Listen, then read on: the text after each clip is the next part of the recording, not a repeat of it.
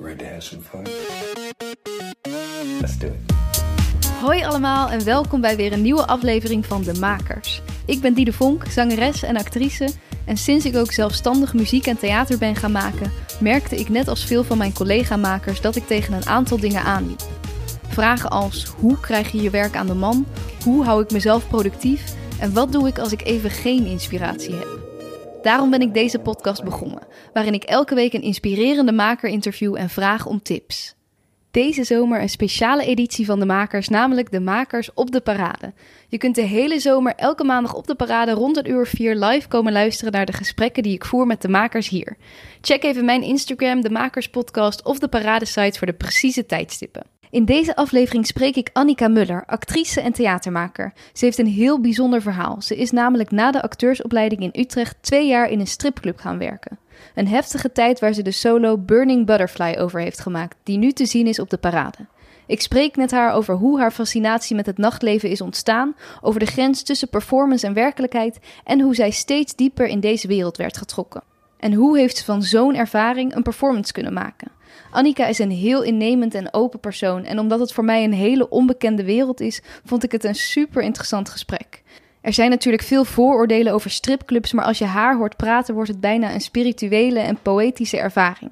Burning Butterfly is nog van 21 tot 25 augustus te zien op de parade in Amsterdam en ook nog van 5 tot 8 augustus op de Theaterboulevard in Den Bosch. Heel veel luisterplezier, hier is Annika Muller. Ik zit hier live op de parade met Annika Muller. Muller of Muller? Muller. Muller. Ja. Met Annika Muller.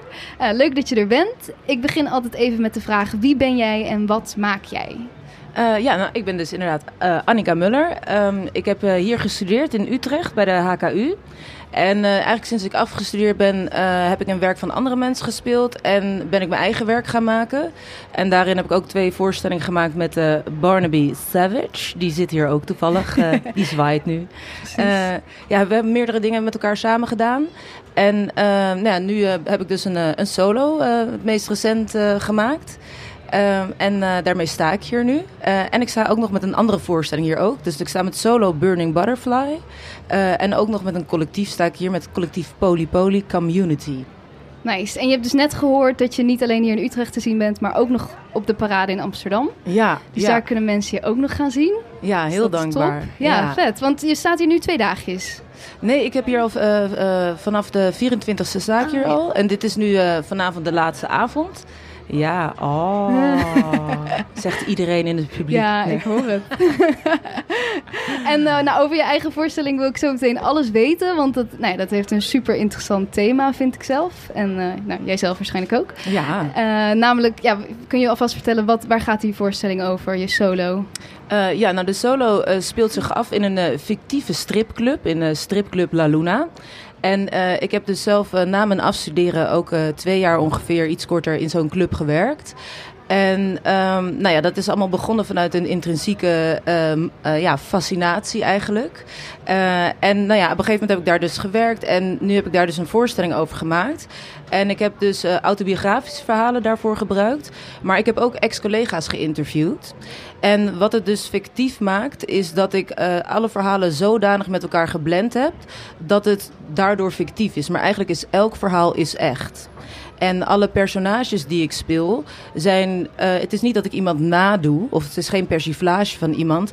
Maar ik, ik speel in één personage eigenlijk heel veel verschillende mensen. Waardoor het eigenlijk eerder een archetype wordt. En uh, nou ja, zo heb ik een aantal archetypes dus in die uh, solo. Um, en eigenlijk is het een soort van bloemlezing van verhalen uit de stripclub. En dan volg je één personage, Butterfly, uh, die daar voor het eerst binnenkomt.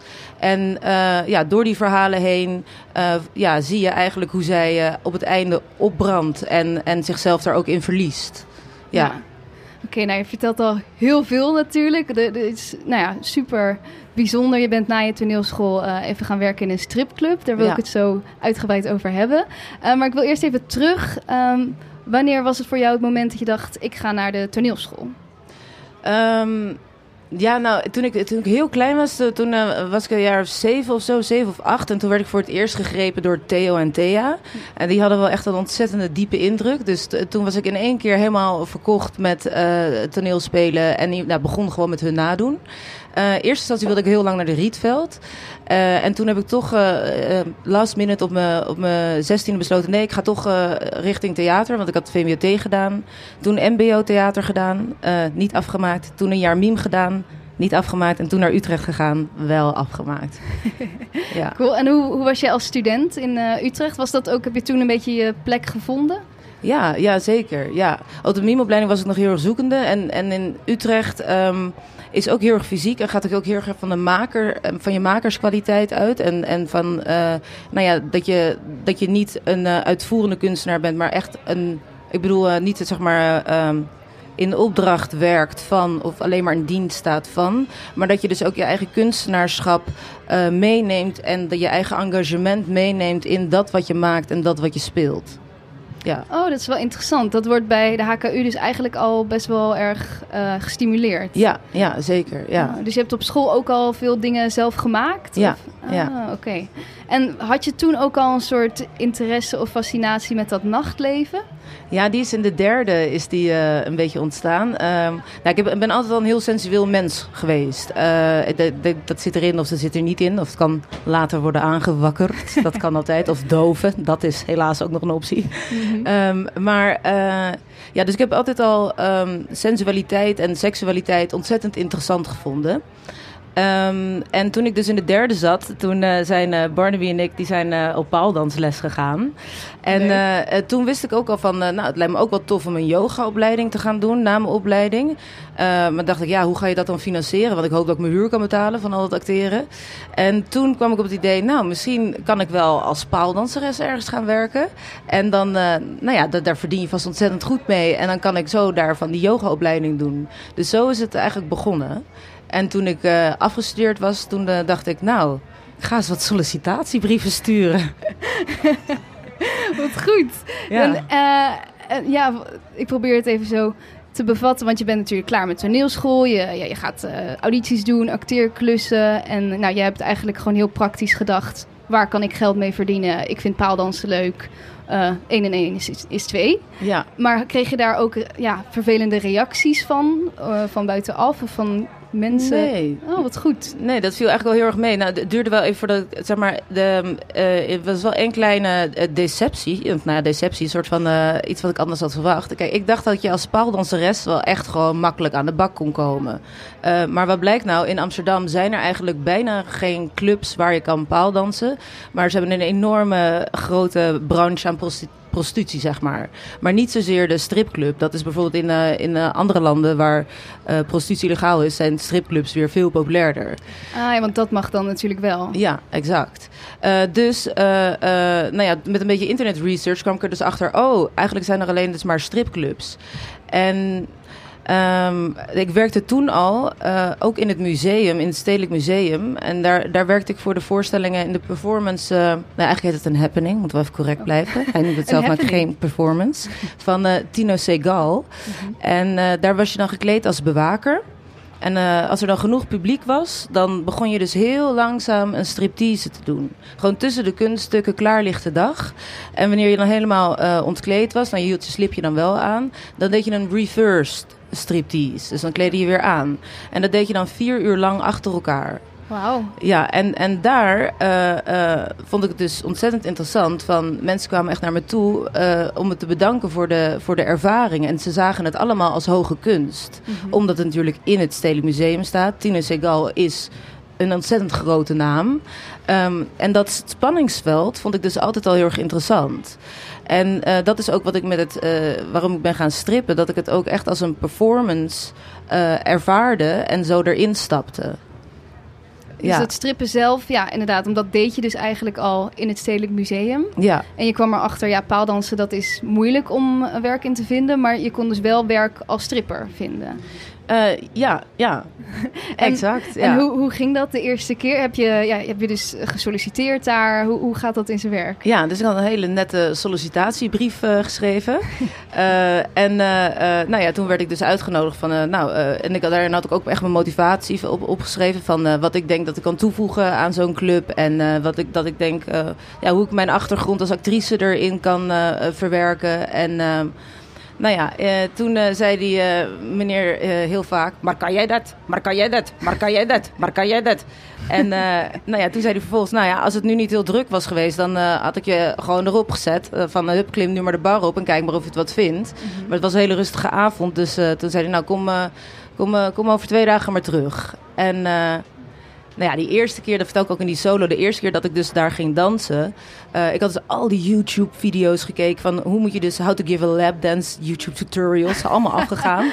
allemaal geoefend in mijn woonkamer op de stoel.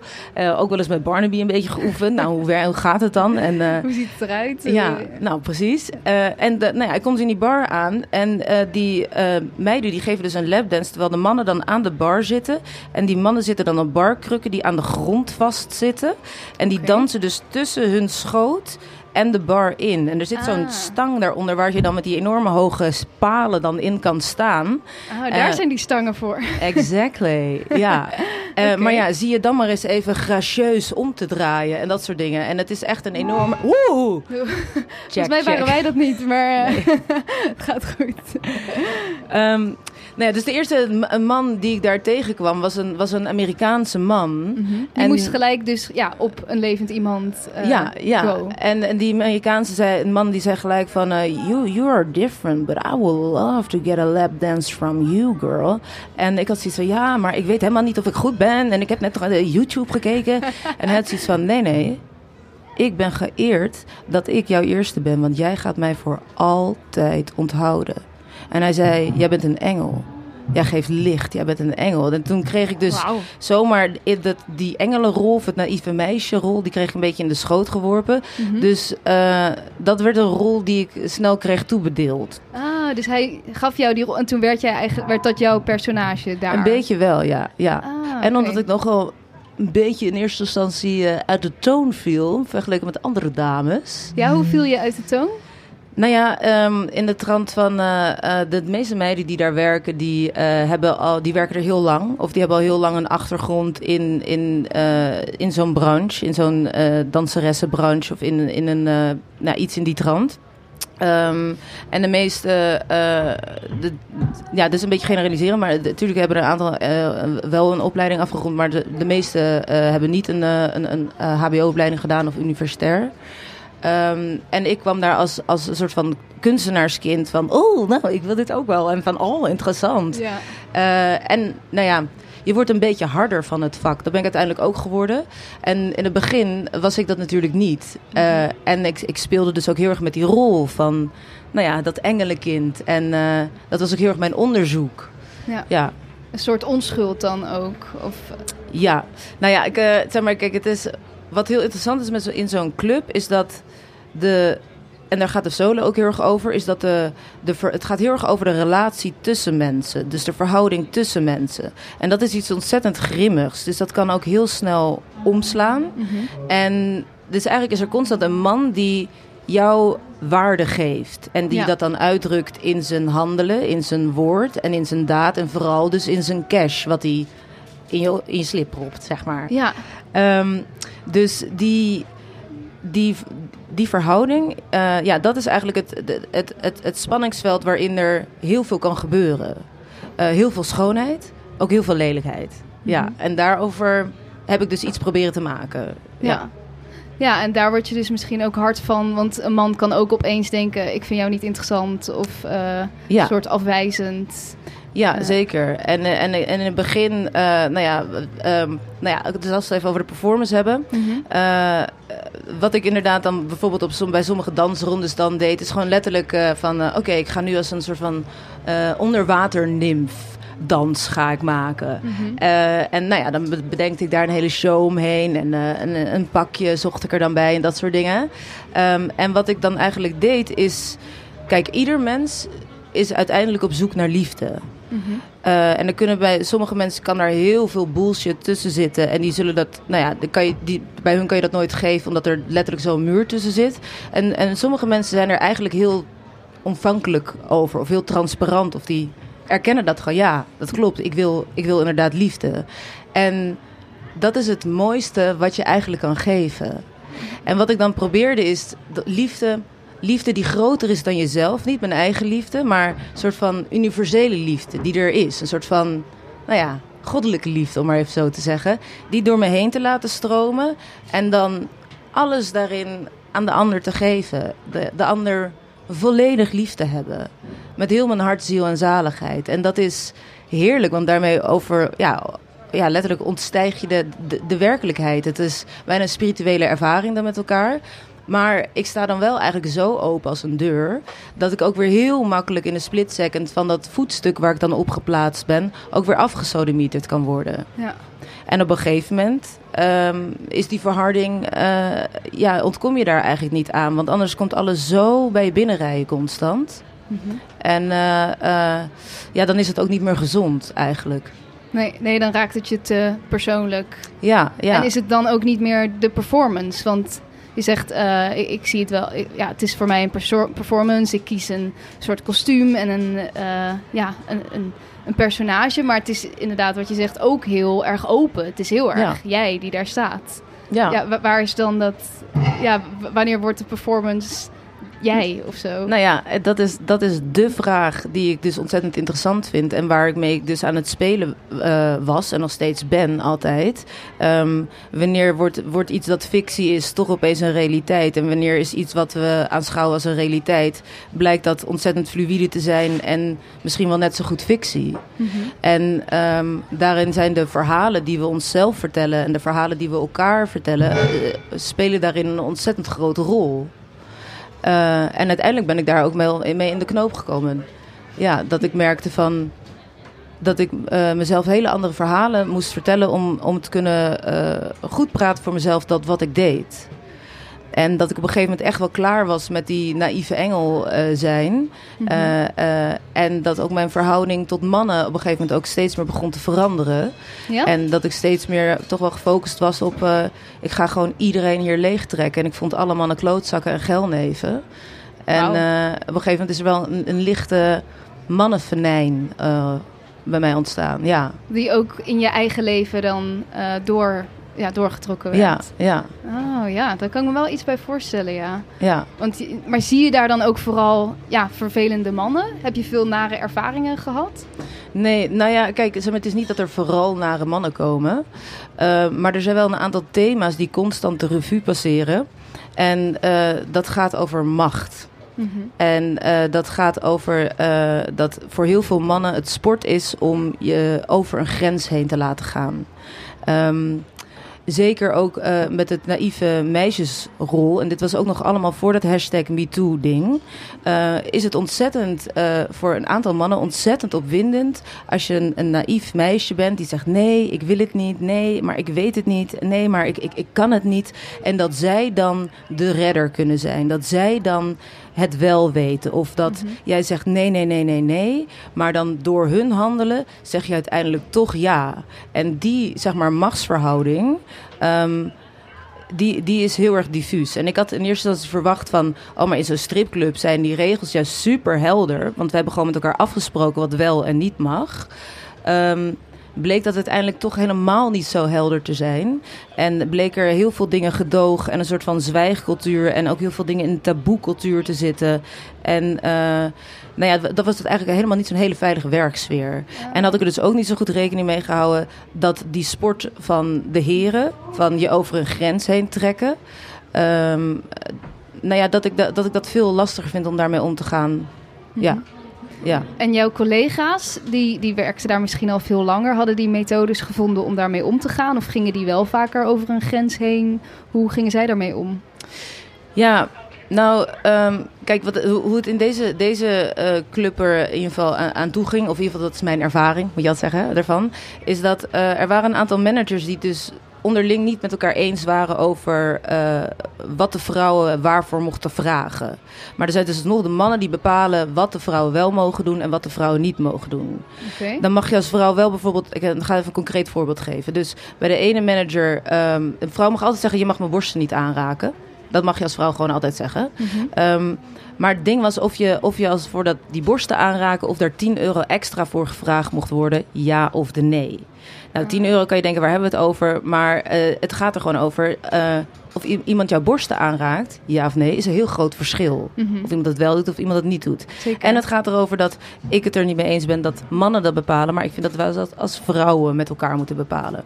Maar in ieder geval, lang verhaal, kort verhaal. Dus die heren waren het niet met elkaar eens. Daarboven zaten ook nog eens een keertje een aantal bazen.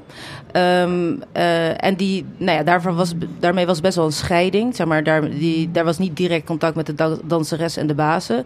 Maar iedereen moest op zijn fikken letten als een van die mannen ook maar binnen kwam En als een van die mannen vroeg, wil je voor me dansen? Haal het niet in je hoofd om die af te wijzen. Dat is heel dom om te doen. Ehm, nou ja, in ieder geval, dus de groep vrouwen, daarmee moet je gewoon ontzettend goed in de groep zitten. Daarmee moet je heel goed kunnen samenwerken. En daarmee moet je elkaars backup zijn. Van als een klant vervelend is, of als hij niet wil betalen, of als hij eh, eh, ronduit onbeschroefd is, of zich niet aan de regels houdt, dan worden de vrouwen dat in eerste instantie geacht om dat met elkaar op te lossen. En dat kan je ook maar beter doen. Want tegen de tijd dat die mannen bij je zijn, is het, ja, Die managers. ja, eh, is Het, is het, eh, in dit geval was het vaak gewoon al te laat of geëscaleerd. En daarnaast is het ehm, eh, zo dat die, eh, de vrouwen verdienen dus al het geld met lapdances. Mhm. Maar de managers en de hele club die draait op de drankverkoop. Dus voor hun zijn de klanten veel meer koning dan Ja. voor de vrouwen. Snap je? Ja. Ehm, dus we hebben eigenlijk andere agenda's, om maar zo te zeggen. ja, tuurlijk. En als we nog, nou, no- om nog even nog meer die diversiteit proberen uit te leggen van... als een man jou 500 euro fooi wil geven, dan mag dat. Mhm. Dat is geen probleem. Dan mag dat altijd. Maar hij kan je dus ook gewoon 10 euro geven voor die Ja, lapdance. dat is ook, daar zitten dus geen vaste tarieven Maar- aan, zeg nee. maar. Nou ja, ja, hij moet in ieder geval 10 euro, maar hij mag dus zoveel fooi geven als hij wil. Iedere danseres wil natuurlijk wel een leuke fooi. Want anders kan je echt net zo goed in de Albert Heijn gaan werken. Mhm. Eh, en dan sta je echt, de echt acht uur lang ben je gewoon in je naki aan het werken. Hè? Dus Ja. je, bent Helemaal nogal wat. naakt? Ja, helemaal naakt, ja. Tenminste, de laatste, de laatste, eh, het, het laatste stukje van Ja. de dansronde. Mhm. Ehm, dus eh, de manieren waarop je dan toch de, de- een uitnodigend probeert te vertellen dat iemand fooi mag geven. Eh, ja, dan werk je al van, oké, dit is best wel diffuus. Hoe krijg je dus wel een dikke fooi? Mhm. Eh, maar eh, hoe benoem je dat dan niet? Ja, Ja. dat leek me ook heel lastig. En dan is het ook weer zo dat bij de ene manager kan je dus deze woorden wel gebruiken. Bij de andere kan je dat absoluut niet gebruiken. Maar kan je dat weer wel zeggen. Waarvan die daar is, niet zo fan, die is daar ook weer niet zo fan van. Dan heb je nog een volgende. En die heeft weer hele andere regels. Ja, dus het is gewoon totaal verschillend qua, qua regels. Ja. Geen eenheid. Ja, geen eenheid. En dan, en dan is het echt belangrijk dus dat je je bondjes hebt. Zowel Ja. met de managers. En de een maakt het rooster, dus die moet je sowieso hebben. En de ander doet dit, dus die moet je dat hebben. En de ander doet dat, ja. Eh, en ze hebben, zijn ook allemaal, hebben ze relaties met de dames. En dat is ook niet helemaal werkbevorderend. Nee, dat is zeker niet eh me too, eh, nou ja, Ja, appropriate. nee. Nee. En, maar was het voor jou vanaf het begin duidelijk... ik ga dit doen en ik wil hier ook iets, eh, iets een performance over maken uiteindelijk? Of was, dat, had, was die linker nog niet gelijk? Eh, jawel, ik was ook tijdens dat ik eh, dus en in een museum werkte. Dan ging ik s'nachts door naar de stripclub. En dan in de bedrijvigheid tussendoor. Ik weet ook niet helemaal hoe ik dat toen gedaan heb. Was ik dus ook met Barnaby toen een, een stuk aan het schrijven, Chasing Summer. Waarin het personage wat ik speelde, Summer Love Goodwin. Dat was een alter ego van mij. Die werkte dus ook in de stripclub met dezelfde motivatie als ik. Ah, oké. Ja, Dus dat is vaker nu teruggekomen ook in je werk. ja, ja. Maar dat, toen was het echt een heel klein... eh dat was eigenlijk een zijspoor. En, eh, eh, eh, maar nu is het echt een volledige voorstelling die erover Ja. gaat. Ja. Ja, en is dat voor die andere vrouwen die daar werken dan raar? Want voor jou is het denk ik dus ook een soort onderzoek naar ja, hoe dat werkt en hoe jij daar dus in staat als performer. Maar voor hun is het gewoon werk. En zij denken misschien, wat, wat komt die meid hier doen met haar kunstzinnige ideeën? Of was dat niet het geval? Ehm, nou ja, een, een beetje enigszins wel. Zeg maar, kijk, de, de dames die er echt al langer werken, dat zijn gewoon hele goede zakenvrouwen. En dat ben ik absoluut niet. Ik ben. En dat is een heel groot contrast. Ehm, eh, en. ehm, Kijk, als we het hebben over van, was er een verscheiding omdat ik een soort van performance deed en zij misschien niet. Nou, dan gaan we het eigenlijk hebben over van, wanneer is iets een performance en wanneer is iets uh, spelen en wanneer is iets niet spelen. Maar ik geloof dat we allemaal acteurs zijn en we nemen allemaal constant rollen op ons. En uh, hoe jij uh, bij, je, bij je oma bent is, is anders dan op, dat je op je eerste date bent. Mm -hmm. ja. Dus alleen al daarin hebben we zoveel verschillende kanten van onszelf. En belichamen we zoveel verschillende, um, bijna archetypes van onszelf. Ja. dat ik niet heel erg het idee dat ik ontzettend anders was dan die, uh, dan die meiden daar. En ik had wel heel snel door van ik moet onderdeel worden van deze groep.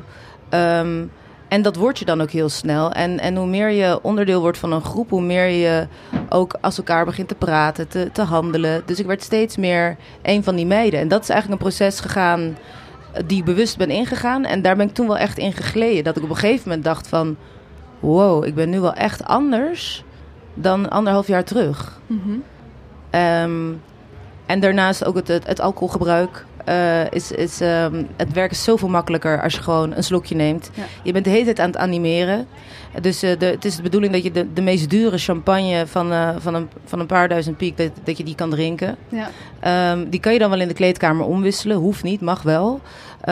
maar dan moet je ook niet betrapt worden door de klant. Want dan heb je ook echt een enorme stront aan de knikker. Bij sommigen, niet bij allemaal. Mm -hmm. Dus ja, zeg maar die, de, en, en hoe er heftig geld wendt. Ik had op een gegeven moment echt het gevoel dat ik uh, dat bedrag wat ik per maand verdiende, dat ik dat nodig had. Ja. En uh, dat, mijn, dat mijn leven niet goed zou zijn als ik niet dat bedrag verdiende. Mm -hmm. Terwijl dat is onzin. Ja. Maar geld is echt verslavend. Ja. En, uh, nou ja, en überhaupt gewoon alles wat verslavend is, dat, komt, dat, dat ja, passeert toch de revue in zo'n zo'n club. Zeker. Ja. En je voelde dus dat je af gleed? Wanneer was het punt dat je dacht: oké, dit gaat te ver of ik, ik moet hier toch mee stoppen? Uh, nou ja, toen ik me steeds meer bewust werd van die hardheid. En op een gegeven moment uh, ja, ja, liep het een beetje uit de spuigaten uit. Met dat ik gewoon dat die managers het niet, dus niet met elkaar eens waren. En dat dat dus via mij werd uitgespeeld. Um, dus, uh, en ik probeerde ondertussen zeg maar, de dames bij elkaar te krijgen van meiden. wij moeten al die managers uit gaan knikkeren. En wij moeten als collectief gaan bepalen hoe willen wij dat er met ons lichaam omgegaan wordt. En wat gaat dat dan kosten? En daar heeft geen enkele man ook maar iets over te zeggen. Mm -hmm. En toen kreeg ik dus echt tientallen berichten terug van ik, snap heel goed wat je doet en ik vind het zo dapper en ik ben het er helemaal mee eens. Maar ik kan het niet doen, want mijn, uh, ik heb kinderen thuis. En dan ja. zei ik kan het niet doen, ik heb al een waarschuwing. Ik kan het niet doen, want uh, die mag mij echt niet. Ik kan het niet mm -hmm. doen, want ik, ik ben al gestraft. Ik heb alleen ja. nog maar de dinsdagen en de maandagen krijg ik op het rooster. Ja, dus toch te afhankelijk van die managers. Ja, want daar werd heel snel mee gedreigd. Van, je kan twee waarschuwingen krijgen, de derde keer ben je weg. En uh, voor jou tien anderen. Mm -hmm. En, en uh, als je gewoon een paar kinderen thuis hebt zitten dan, en je, er is geen man in beeld, nou, dan denk je wel even drie keer na voordat je uh, even je mond opentrekt. Zeker. En het is ook gewoon een familie. Hè? Die, die dames onderling, dat is echt een familie met elkaar. Mm -hmm. ja. Was het daardoor ook moeilijk om eruit te stappen? Want je zegt dan ook gedag tegen die familie? Um, ja, maar ik voelde ook wel van het is, het is, uh, het is goed om te gaan. Mm -hmm. Ja, ja, ja. En uh, dus je deed ook nog ondertussen een yogaopleiding. Je, je deed ook nog acteerklussen. Ja. Hoe heb je dat allemaal gemanaged? Ja, dat vraag ik mezelf soms ook wel eens af. uh, ja, gewoon, uh, ik was altijd wel een soort van sky high on life. Altijd adrenaline en, en uh, ja, ontzettend levenslustig. maar ja, dat heeft me uiteindelijk natuurlijk ook wel een beetje opgebrand. Toen ik uiteindelijk die yogaopleiding had gedaan... Um, ik uh, zo in de clinch lag met die managers daar. En ik zo uh, voelde van oké, okay, wij als vrouwen gaan hier geen verandering nu inbrengen met elkaar. Mm -hmm. Had ik zoiets van, dit is echt wel de hoogste tijd om weg te gaan. Ik heb hier eigenlijk nu niet zo heel veel meer te halen. Ja. En ik was ook wel bang van, ja, als ik nu niet wegga, misschien ga ik dan wel nooit weg. Ja, was je daar bang voor? Nou ja, ja want, want die, die anderhalf jaar, ik dacht verwacht, en ik werk misschien een half jaartje of zo. Mm -hmm. En dat mhm. is toch wel, nou ja, ik zeg anderhalf jaar, maar het is toch wel eerder bijna twee jaar geworden. Het zit er een beetje ja. tussenin. Ja. Is toch ook die verslaving dan misschien aan het, aan het geld en aan de, ja, de ervaring? Of...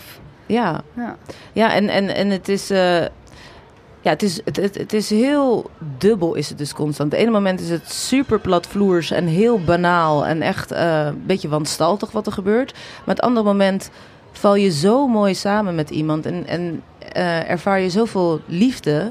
eh, eh, en mag je iemand zo erg lief hebben. ehm, eh, in een moment terwijl je daarna niks meer aan elkaar verschuldigd bent. Mhm. En dat is zo, zoiets prachtigs. Ehm, dat is ook heel verslavend, was dat voor Ja. mij. Ja. En is dat iets wat je misschien in theater ook kunt vinden? Daar geef je soms ook heel veel aan iemand en je, ja, je creëert dat ook Ja. samen met een publiek. Ja, altijd, zeg maar, ik, eh, altijd voordat ik eh, de, de, de, het publiek eh, de zaal binnenkomt, doe ik altijd een soort van schietgebedje van ik wens dat ik in liefde ben, ik wens liefde te geven en ik wens de verhalen te vertellen en die volledig door me heen te laten stromen. Dus het, dus het geven van liefde, ehm, ja, dat is voor mij een heel groot goed en dat is iets wat ik eigenlijk het, nog, ja, misschien wel het best op het podium kan. Ja. Ja. ja, dat kan ik me voorstellen. En toen ben je gestopt. Wa- Was het toen een zwart gat of had je gelijk weer werk? Hoe, hoe ben je toen verder gegaan? Eh, ja, toen ben ik eigenlijk eh yogalessen gaan geven. Ja, ja eh, ben ik even een tijdje yogalessen gaan geven. En, en, en toen ben ik weer mijn eigen projecten op gaan zetten en weer dingen gaan doen. En ja, dat ging eigenlijk allemaal best wel vanzelf. Oké, Ja. gelukkig. Geen eh, ja, dus heftig zwart gat gevoel of iets gehad? Nee, nee. Oké, nou, Ja, gelukkig. ja. En ja, ik vind het heel mooi hoe je het allemaal vertelt. En inderdaad, die, tuurlijk, het zal soms heftig en plat zijn geweest, maar inderdaad ook wel een hele bijzondere connectie. ja. Maar heb je van ouders, eh, ja, wat vonden die ervan dat je toch in een stripclub ging werken? Ja, nou, mijn ouders die kennen mij wel iets langer dan vandaag. Ja. Ehm, Die keken nergens meer van op. Nee, nee. ehm, ehm, eh, mijn moeder die, eh, vond het zelfs wel eh, grappig. Die heeft toen destijds nog tegen een paar vriendinnen gezegd... Ja, mijn dochter die werkt nu eh, als paaldanseres. maar ik moet ook eerlijk zeggen van mijn ouders... die waren wel zo van... ehm, hebben zich ook wel zorgen natuurlijk gemaakt. En Mhm. ze zagen mij ook wel veranderen. En hebben wel echt een aantal keer proberen te zeggen van... eh, op een gegeven moment beland je daarin... En dan wordt het steeds moeilijker om eruit te komen. Want op een gegeven moment Ja. gaat het je wereld worden.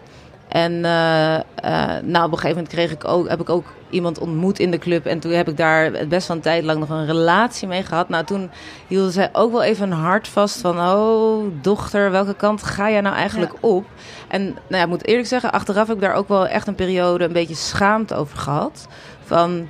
Wauw, ik heb echt, eh, ik kom uit zo'n goed gezin en, en eh, er is zoveel liefde om me heen. En dan toch heb ik voor dit pad gekozen. En dan toch heb ik mezelf hierin kwijt weten te spelen. Ehm, En there's no one to blame. Ik heb het echt zelf gedaan. Eh, ja, en ik had ook wel een aantal vriendschappen die daardoor wat complexer waren geworden. Omdat die het simpelweg niet begrepen wat ik daar nou te zoeken had. Waardoor ik op een gegeven moment ook niet meer dingen begon te vertellen. Mhm. En mijn ouders die stonden er dus echt wel open voor van... Nou ja, je, je mag het helemaal doen. Maar het was ook wel helder van... Nou ja, je moet je ouders ook niet belasten met de dingen die je daar dan meemaakt. Weet je, dat is, Ja, ik had wel zoiets dat is een verantwoordelijkheid die ik dan zelf draag. Ja. Eh, en dat doe je eh, ook niet de hele tijd bij je vrienden. Want die eh, hebben dan ook zoiets van... Ja, maar god, moet je daar niet weg? Ja, Eh, en dus doe je dat steeds meer met die meiden met elkaar. Want zij zijn op een gegeven moment de enige van wie je weet... Jij weet exact precies. wat ik, heb je maar een blik met, aan elkaar nodig en je weet wat je voelt. Ja. En je weet wat er net gebeurd is. Of je weet waar je in moet springen. Mhm. En, en ehm, ja, dat heeft wel een bepaalde. eh, het heeft wel even geduurd voordat ik me weer opnieuw kon verbinden met de mensen om me heen, met mannen, met eh, mijn, mijn lichaam. Mhm. Eh, dat, heeft, dat was wel allemaal iets ehm, ja, mechanischer geworden en afstandelijker. Ja. Ja. En heb je het gevoel dat je dat... Want het is nu ongeveer twee jaar geleden dat je daar gestopt bent, denk ik. Ja, ja, zoiets, ja. Dat je dat nu een beetje hebt ja, kunnen verwerken. Dat je weer terug bent op een punt dat je... Ja, Ja. zeker. Wat Ja, goed. ja. En is dat ook gekomen doordat je er nu een voorstelling over gemaakt hebt? Ja, nou, dat heeft wel een, een hele grote rol gespeeld in het, in het doorbreken van het taboe. Want ook in het, in het maakproces, alleen om de dames te, te, te vinden om die te interviewen, was echt een ontzettend moeilijke klus. Omdat het gewoon, eh, er is heel veel taboe op. Ook al werken ze daar. Er waren gewoon heel veel meiden gewoon ontzettend bang dat er iets van hun in, erin vermeld zou worden. ehm, eh, of, of, ja, of dat er een ontslag of dat er narigheid uit voort zou kunnen komen. Dus er is toch wel echt een enorme angst om Ja. echt te kunnen praten over de dingen. Dus ook iets waarmee ze herkend zouden kunnen worden of Ja, zo. ja, ja, ja. Dus de meesten doen het ook wel ja, een soort van geheim dan eigenlijk. Oh, ik bedoelde de interviews. Dat, dat, dat voor mij moeilijk was om, om eh, een interview te regelen. Omdat niemand erover durfde te praten. Ja, Maar durven ze er ook niet over te praten omdat misschien mensen in hun omgeving niet weten dat ze het doen? ja ook inderdaad, dat is ook zo van een aantal mensen. Weet niet iedereen in hun omgeving het. Mhm. Ja. Ja. Ja. En, en want de, de mensen die je hebt gesproken, lagen die verhalen een beetje op één lijn met jou? Eh, nou, ik denk altijd, ieders, ieders verhaal is altijd anders. Ehm, maar ik denk wel dat er, dat er bij alle dames eh, eh, raakvlakken zijn. En ehm, ja, ja, dat denk ik wel, ja. Ja. En je zei net, ik ben een hele slechte zakenvrouw. ja. Ben je een betere zakenvrouw geworden doordat je daar eigenlijk harder moest zijn? Ehm, nou, ik zou ja willen zeggen, maar volgens mij valt het allemaal gaan mee. Jammer, jammer. Ja. en eh, hoe, eh, ja, wanneer kwam het punt dat je dacht, oké, ik ga hier nu echt die solo-voorstelling over maken? Ehm, ja, nou, dat, was al een hele tijd eh, terug. Was ik gevraagd door Casper van Nieuwhuis of ik iets wilde maken voor Like Minds Bedankt. En Mhm. ik wist toen al wel al. Vanaf, ik wist al, ook toen ik er werkte, van ik wil hier wel echt een keer een, echt een volwaardige solo over maken. En dit leek me toen een goede aangelegenheid, want het was een eh, locatieproject op de Wallen ook. Oh. Ehm, in, een, in een soort van eh, nachtcafé. Ehm, dus die setting die, die klopte heel erg voor mij erbij. Eh, en eh, nee, zo ben ik het dan gaan maken. Maar hadden nog heel even over de taboe-ding. Dat Mhm. ook in het maakproces heeft het me heeft het echt wel even geduurd voordat ik het durfde te vertellen. En, en dat ik heel erg bang was dat mensen een oordeel zouden hebben. Of dat mensen zouden denken: Jezus, wat een achterlijk dom kind ben jij. Ja? Eh, ja, of dat, ze, of dat ze zouden vinden, nou, is het toch terecht als je zo in het leven staat, nou verdien je het toch ook? Of, eh, nou ja, dat ze, ehm, eh, ja, dat ze daarnaar over zouden denken. Mhm. En maar dus, ik eh, vind het heel erg, ik ben een enorme voorstander van dat we taboes doorbreken. Dus ik, ik, I owe it up to myself en Mhm. ook aan al die andere vrouwen om toch de verhalen te gaan vertellen. Ja. En dan kom je er eigenlijk achter dat ehm, het ontzettend mooi ontvangen wordt. Want Oh, Misschien goed. heeft iemand niet eh, hetzelfde meegemaakt. Heeft iemand niet ooit in zo'n club gewerkt. Maar het gevoel van dat je ontzettend onder druk wordt gezet. Of het gevoel dat iemand je manipuleert. Of het gevoel dat ehm, je grenzen steeds meer aan het verschuiven zijn. eh, die herkennen we allemaal. Ja. Of het gevoel dat je op een voetstuk wordt geplaatst en er dan weer afgeketst wordt. Of het gevoel dat je, hem, dat je totaal buiten een groep valt. Of dat je door een groep onder druk gezet wordt. Dat zijn dingen die zo universeel zijn. En Mhm. wat dat betreft is zo'n stripclub juist een ontzettende vergrootglas van, van de samenleving. Van hoe we met elkaar omgaan. Ja, dus het lijkt misschien voor bezoekers van tevoren van... oh, dat staat zo ver van me af, een stripclub. Maar ze kunnen heel veel dingen uit hun eigen leven er misschien in herkennen. Ja, zeker. En ja. Ja. hoe wordt er op die taboes gereageerd? Eh, nou ja, eigenlijk dus heel erg, heel erg goed. En, en ehm, ik merk het zelf ook. Als ik iemand iets zie eh, vertellen wat ontzettend kwetsbaar is... maar dat met volle openheid eh, aan het doen is... ook al is het dan niet hetzelfde wat ik ooit heb meegemaakt... maar iets anders, dan biedt dat me altijd troost. Omdat ik, dat, dat ik vind dat... ja, ik vind dat zo krachtig als iemand iets vol vertelt. En dat is Zeker. zelfs helend altijd voor de toeschouwer ook om te horen. Ehm, dus ik, ja, ik denk zeg maar, dat mensen dat misschien ook wel bij mij eh, kunnen ervaren. Ehm, en daarnaast is het ook gewoon interessant. eh, het heeft heel erg een sensatieding natuurlijk ook. Van oh, eh, stripclub en, en nieuwsgierig en seks. En weet je wat, het, het is ehm, een, een snel lokkertje. Omdat Ja. er heel makkelijk en veel vooroordelen over zijn. Iedereen daar wel een Mhm. gedachte over heeft. Precies. En, en die zijn wel eh, heel waardevol om daar de andere kant van te laten zien. Ah ja, dus mensen komen er misschien op af met het idee... oh, interessant, seks, stripclub. En Ja. dan geef je ze ook weer ja, een diepere... eh, ja, iets diepers mee, wat er nog meer mee te maken heeft. Ja, ja want het is wel een, eh, een, een vrij intense solo Mhm. ook. Ja. Ja. Ja. en was het nog moeilijk om hem voor de parade weer in te korten? Want hij was eerst langer, toch? Kill your darling. Ja, ja nou, ik heb dus een lekkere Annika-Jaans. Ik heb dus eerst een versie van 30 minuten gemaakt. Ja. Toen mocht ik het, eh, kreeg ik de ruimte om het materiaal uit te werken. Heb ik 60 minuten gemaakt. Mhm. Eh, die heb ik op eh tweetakt en eh, eh, bij eh Oostpol eh, heb ik die mogen spelen. toen heb ik, eh, hoorde ik dat ik op de parade en op boulevard mocht spelen. Eh, toen heb ik dus eigenlijk weer opnieuw naar die twee dingen gekeken. Omdat die 30 minuten, die vond ik eigenlijk alweer achterhaald nadat ik het had uitgewerkt. Dus nu heb ik daar weer een nieuwe fusering van gemaakt. Dus ik heb eigenlijk drie verschillende solo's. ja. En heb je een beetje een team mensen om je heen om je daarmee te helpen? Of doe je heel veel zelf? Ja, ik doe heel veel zelf, maar eh, zonder team ben je echt natuurlijk nergens. Mhm. Eh, mijn steun toe verlaten ze Barnaby. Die, eh, Hij zit hier nog steeds. ja, met zijn laptop. Met de yoga laptop, de werklaptop. Eh, en, eh, En wat doet hij eh, hier met deze solo? Ja, Darlin, you don't know. Hij, zeg maar, hij, heeft, hij heeft de grootste dubbelrol van zijn, van zijn leven. Dus hij is, en hij is de PR-man. Ah, Dus ik heb met hem een heel PR-plan hebben we met z'n tweeën opgezet. En hij heeft daarvoor materiaal geschoten. En is daarmee met een editor aan de tafel gaan zitten. Oh, en heeft eigenlijk ook het concept bedacht. En ik heb daarop ingehaakt. Ehm, Het concept van jouw voorstelling eigenlijk. Nee, nee, concept eh, van om eh, voor de PR, zeg Ah, maar. ja, van wat, voor, wat voor beeldmateriaal kunnen Ja. we schieten.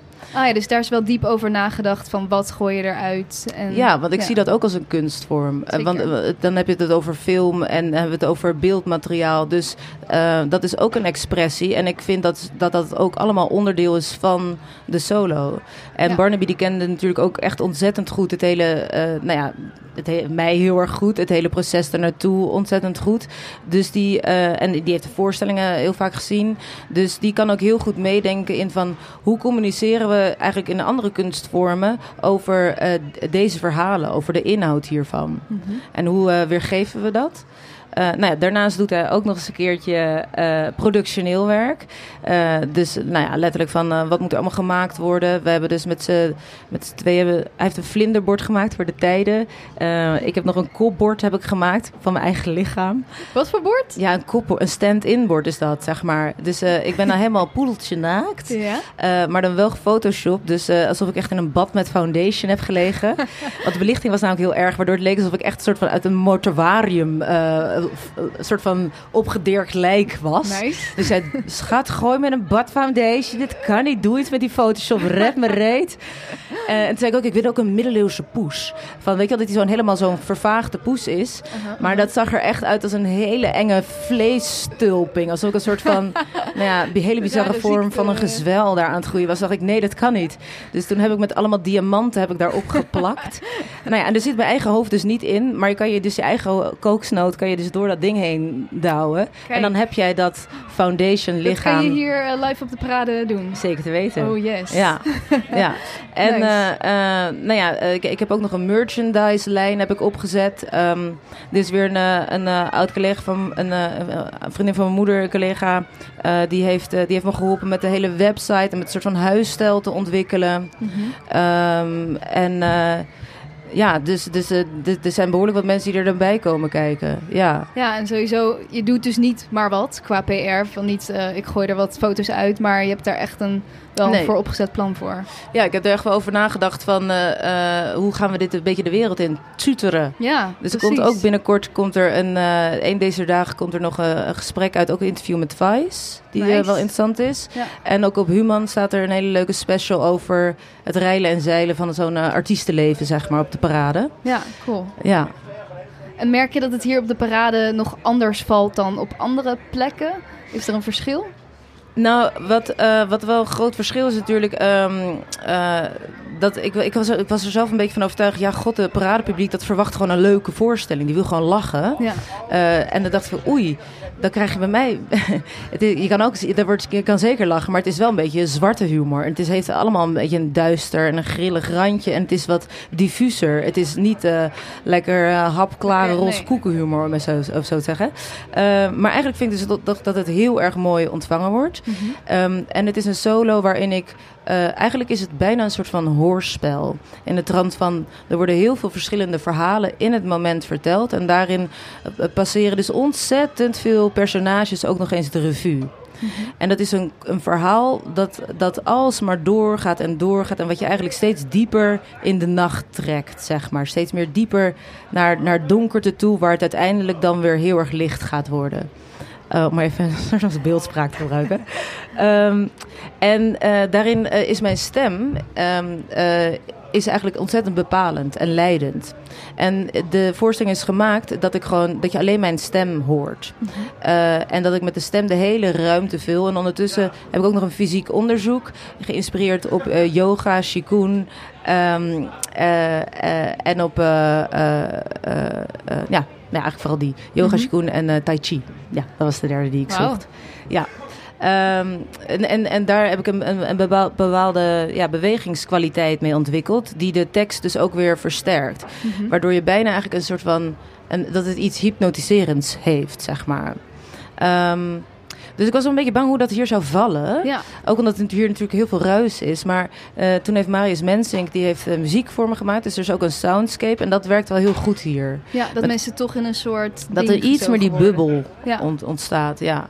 Ja, heel gaaf. Ja, en ik denk ook dat meer mensen zeggen dat wel inderdaad. Parade willen mensen toch vooral lachen. Maar ik weet niet of dat waar is. Uiteindelijk worden mensen, willen mensen ook inderdaad gewoon meegezogen worden in iets en een ervaring meekrijgen. En Ja. ik denk juist dat zoiets wat ze dan misschien totaal niet verwachten van tevoren heel goed kan werken. Nou, precies. En het, en het was ook gewoon een, een, voordeel eh, van mij, was dat. Mhm. En eh, eh, zeg maar, het, was, het wordt zo ontzettend mooi ontvangen hier. Ja. Dus ik, eh, het is echt niks meer dan alleen maar dankbaarheid. om voor, gewoon voor elk publiek dat er binnenkomt te mogen spelen. Vet. Ja, En het Ja. klinkt eigenlijk ook alsof je nou ja, alles wat je de afgelopen jaren hebt gedaan aan nou ja, dus die stripclub en je yogaopleiding, dat je dat nu in deze voorstelling kan stoppen. ja, ja. En ja, hoe, Ja. Hoe, wat, wat, wat is het plan hierna? Dat is een hele goede vraag.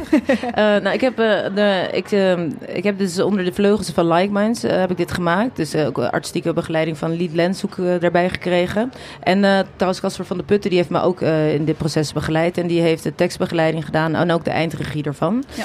Eh, en ze hebben me nu eigenlijk weer dus zo'n Like Minds bedankt aangeboden. Dus dan krijg ik weer de ruimte om eh, iets te maken. En dat is dan, eh dat kan ik dan drie keer spelen. En wat er dan vervolgens. eh, ehm, nou ja, dat had ik deze keer had ik dat ook gekregen. En na die drie keer had ik zoiets, of eigenlijk tijdens dat drie keer maken, had ik toen zoiets van: ik wil nu al dit verder gaan uitbouwen. En ik wil dit aan de man brengen. Ja. En dat kan dan. En dan gaan ze je dan op de manieren die ze dan kunnen, gaan ze je dan helpen. Mhm. Ehm, maar in eerste instantie heb ik nu dus weer gewoon eigenlijk hetzelfde traject aangeboden gekregen. Maar ik weet nog niet precies wat dat gaat doen. Maar de volgende voorstelling, eh, ik, heb, ik heb er twee in mijn hoofd. Maar de volgende voorstelling die ik in ieder geval daar ga doen, die gaat over yoga. Die, die gaat over de yoga-docent. En eh, eh, eigenlijk over ehm, ja, een, zoektocht naar spiritualiteit en naar zingeving en verlossing. En dat zijn eigenlijk wel mijn thema's die altijd, omdat ik daar zelf zo ontzettend naar op zoek ben, eh, altijd in mijn werk verbonden zi- zitten, ja, zijn. Ja. Tof. Ja. En mooi zo'n plek ook als Like Minds. Dan kan je misschien voor de luisteraar nog iets meer vertellen wat dat voor, ja, wat dat voor stichting is. Ja, nou, dus eh, Like Minds die, eh, die biedt ruimte aan aan, aan jonge makers en ehm, die biedt trajecten daarvoor aan.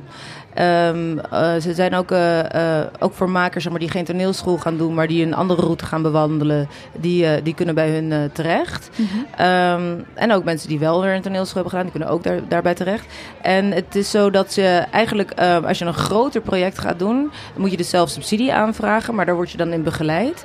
En zij begeleiden je dan daar waar je kan, waar, waar, ja, waar, waar ze kunnen begeleiden. Maar je moet wel rekening houden met dat ze dus meerdere makers hebben. Ja. Ja, Ja, dus het, het is, je doet het zelf, maar onder begeleiding in die Ja. zin. ja, Super interessant, denk ik, voor heel veel makers. ja zeker. Ja. Zeker, ja. Mooie plek.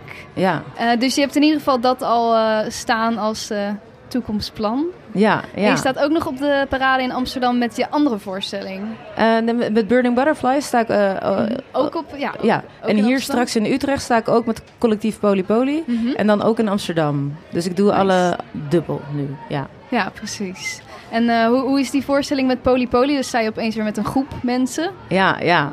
Ja, dat is, het is superleuk. Het is echt een hele leuke voorstelling. Maar het is toch totaal weer iets anders dan, dan Ja. dit.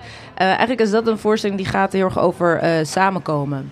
En over dat we een nood hebben aan nieuwe manieren vinden om nader tot elkaar te komen. Ja. Ehm, ja, wat we zelf wel zeggen, het is eigenlijk een beetje hippie, een beetje jaren zestig. Alleen dan in een new age, heel strak, niet ademend polyesterpakje. Nice. Ja. Cool, dus, Dus, daarmee eh, komen jullie nog in Utrecht. ja, klopt. En ook dus in Amsterdam. Ja, Heel gaaf. ja. Eh, ik zit even te denken. Ik zit even naar de tijd. we gaan goed, we gaan goed. Ja. Wat ik je nog meer, eh, had ik je nog iets moeten vragen? Wil je nog iets kwijt over je makerschap of dingen waar je mee bezig bent? Ehm, ja, nou ja, ik denk dat, dat een aantal thema's die mij wel interesseren heel erg, dat, die gaan dus, dus over die, die zoektocht naar verlossing, Mhm. eh, een zoektocht naar spiritualiteit en dus die grens tussen fictie en realiteit Ja. en tussen kunst en kitsch. En Oh ja. dat is eigenlijk iets wat ik in, ehm, ja, in elke kunstvorm vind ik dat interessant. Zeg maar, ik vind die thema's interessant. En ik sta wel ook veel meer open om, nou ja, om dat in, ook dus breder te, te, te ontwikkelen. Om dus breder dat te, te onderzoeken. Dus ik weet nog niet precies waar, waar de toekomst me allemaal gaat brengen.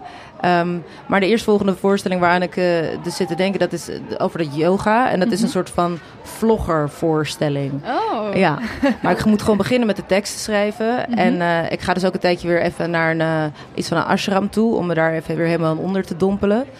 Ehm, ja, dus dat vind ik heel leuk om te kijken hoe ik, ja, hoe ik eerst weer even helemaal in, in, in het onderzoeksveld kan gaan. Mhm. Eh, en dan weer eh, opnieuw aan een schrijftafel gaan zitten. Daar heb ik ook wel echt heel veel zin in. Ja. En om te kijken van... eh, wat, zijn, wat zijn de verschillende manieren hoe dit gespeeld kan worden? De verschillende vormen Mhm. waarin dit gespeeld kan worden. Hey lieve mensen, Diede hier. Helaas had op dit punt in het gesprek mijn SD-kaart het begeven. Hier kwam ik thuis pas achter, er staat simpelweg kaartvol, terwijl dit echt niet mogelijk is. Dus dit betekent helaas dat het einde van het interview verloren is gegaan. De laatste 10 minuten ongeveer. Hier baal ik echt van als een stekker, want er zaten nog hele mooie dingen in. Annika had nog wat toffe tips voor jonge makers, die ik nu natuurlijk niet precies meer weet. Wat ik nog wel weet is dat ik haar de doorgeefvraag heb gesteld die Tom voor haar had. Hij merkt als cabaretier soms namelijk dat publiek wel eens nog niet helemaal mee is en kan dan in het moment beslissen om zijn voorstelling om te gooien. Die vrijheid heeft hij als cabaretier. Hij vroeg zich af of Annika dit wel eens heeft en hoe zij hier dan mee omgaat. Annika vertelde dat ze met haar regisseur had bedacht dat mocht dit gebeuren, de parade kan natuurlijk ook een plek zijn waar mensen dronken of onrustig in de zaal zitten, dat ze dan vanuit een van de heftigere personages mensen die heel direct tot de orde kan roepen.